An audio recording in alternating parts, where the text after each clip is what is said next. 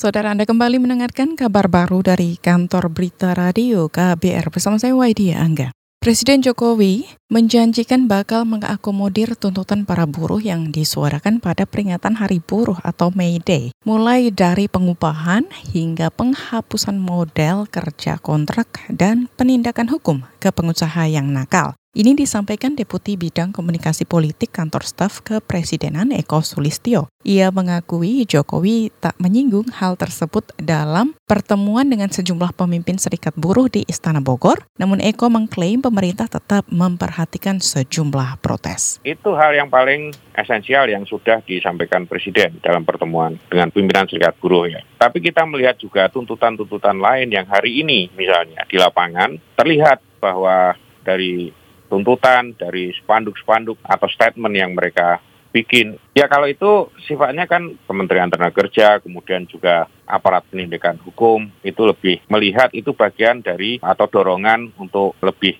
giat lagi dalam upaya dan monitoring penegakan hukum yang terjadi. Deputi Bidang Komunikasi Politik KSP Eko Sulistyo menambahkan, lembaganya menerjunkan tim untuk mencatat desakan para buruh pada Mei Day 2019.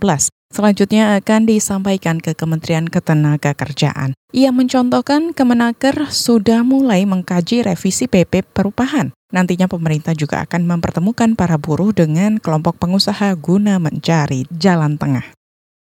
Kita ke informasi selanjutnya, aksi buruh yang tergabung dalam gerakan buruh untuk kerakyatan atau gebrak dalam peringatan May Day dihalang-halangi polisi. Sedianya buruh bakal berjalan kaki menuju kawasan Istana Merdeka. Pendamping buruh dari LBH, Pratiwi Febri, menuding tindakan petugas tersebut melanggar hukum. Selain tidak berdasar secara hukum, menurut Tiwi, langkah petugas bertentangan dengan konstitusi dan undang-undang kemerdekaan menyampaikan pendapat di muka umum. Melalui siaran pers, Tiwi mengatakan polisi menghalangi aksi damai para buruh lantaran berpatok pada peraturan gubernur DKI nomor 232 tahun 2015 yang dikeluarkan oleh Basuki Cahaya Purnama.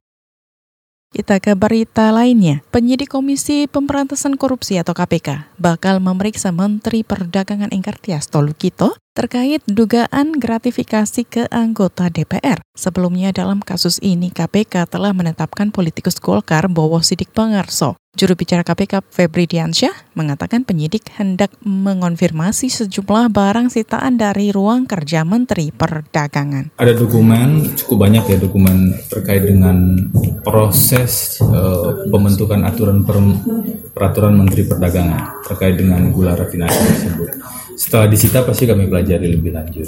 Ada barang bukti elektronik juga dari data-data komputer yang ada di sana dan juga dari alat komunikasi yang kami aman. Pasti kami pelajari lebih eh, lanjut ter, untuk menelusuri dan memperkuat fakta-fakta sehubungan dengan uh, sangkaan gratifikasi terhadap BSP. Itu tadi juru bicara KPK Febri Diansyah. Sementara saat dikonfirmasi di Istana Negara, Menteri Perdagangan Enggar Tias Tolukito membantah telah memberikan gratifikasi ke Bowo Sidik Pangarso. Menurutnya wewenang kebijakan gula ada pada dirinya, sehingga tak ada kepentingan dirinya memberikan gratifikasi ke Bowo Sidik Pangarso selaku anggota Komisi 6 DPR. Dalam perkara ini, Bowo diduga menerima suap dengan total 8 miliar rupiah. Duit ini rencananya digunakan Bowo untuk serangan Fajar dalam pemilihan legislatif. Kita beralih ke Banyuwangi. Badan Pengawas Pemilihan Umum atau Bawaslu Kabupaten Banyuwangi, Jawa Timur menemukan udugaan penggelembungan suara di hampir seluruh kecamatan. Anggota Bawaslu Banyuwangi Adrianus Yansen Pale mengatakan hal ini terjadi lantaran petugas kurang memahami teknis penghitungan suara dan faktor kelelahan. Itu sebab ia memerintahkan seluruh petugas TPS untuk melakukan proses penghitungan ulang. Terus penghitungan banyak yang kita temukan adanya salah hitung. Misalkan di surat suara itu tercoblos partai parpol dan caleg dihitung dua. Sebenarnya itu kan cukup calegnya saja yang dihitung sehingga terjadi penggelembungan dan sampai proses rekapitulasi itu masih sempat terjadi. Masih ada yang terlewatkan proses itu.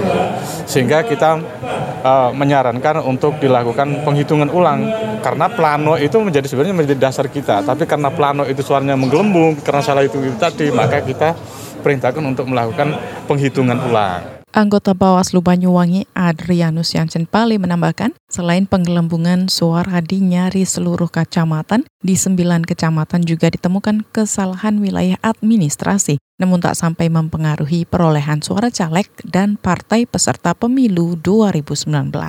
Demikian kabar baru dari KBR, saya Waidia Angga.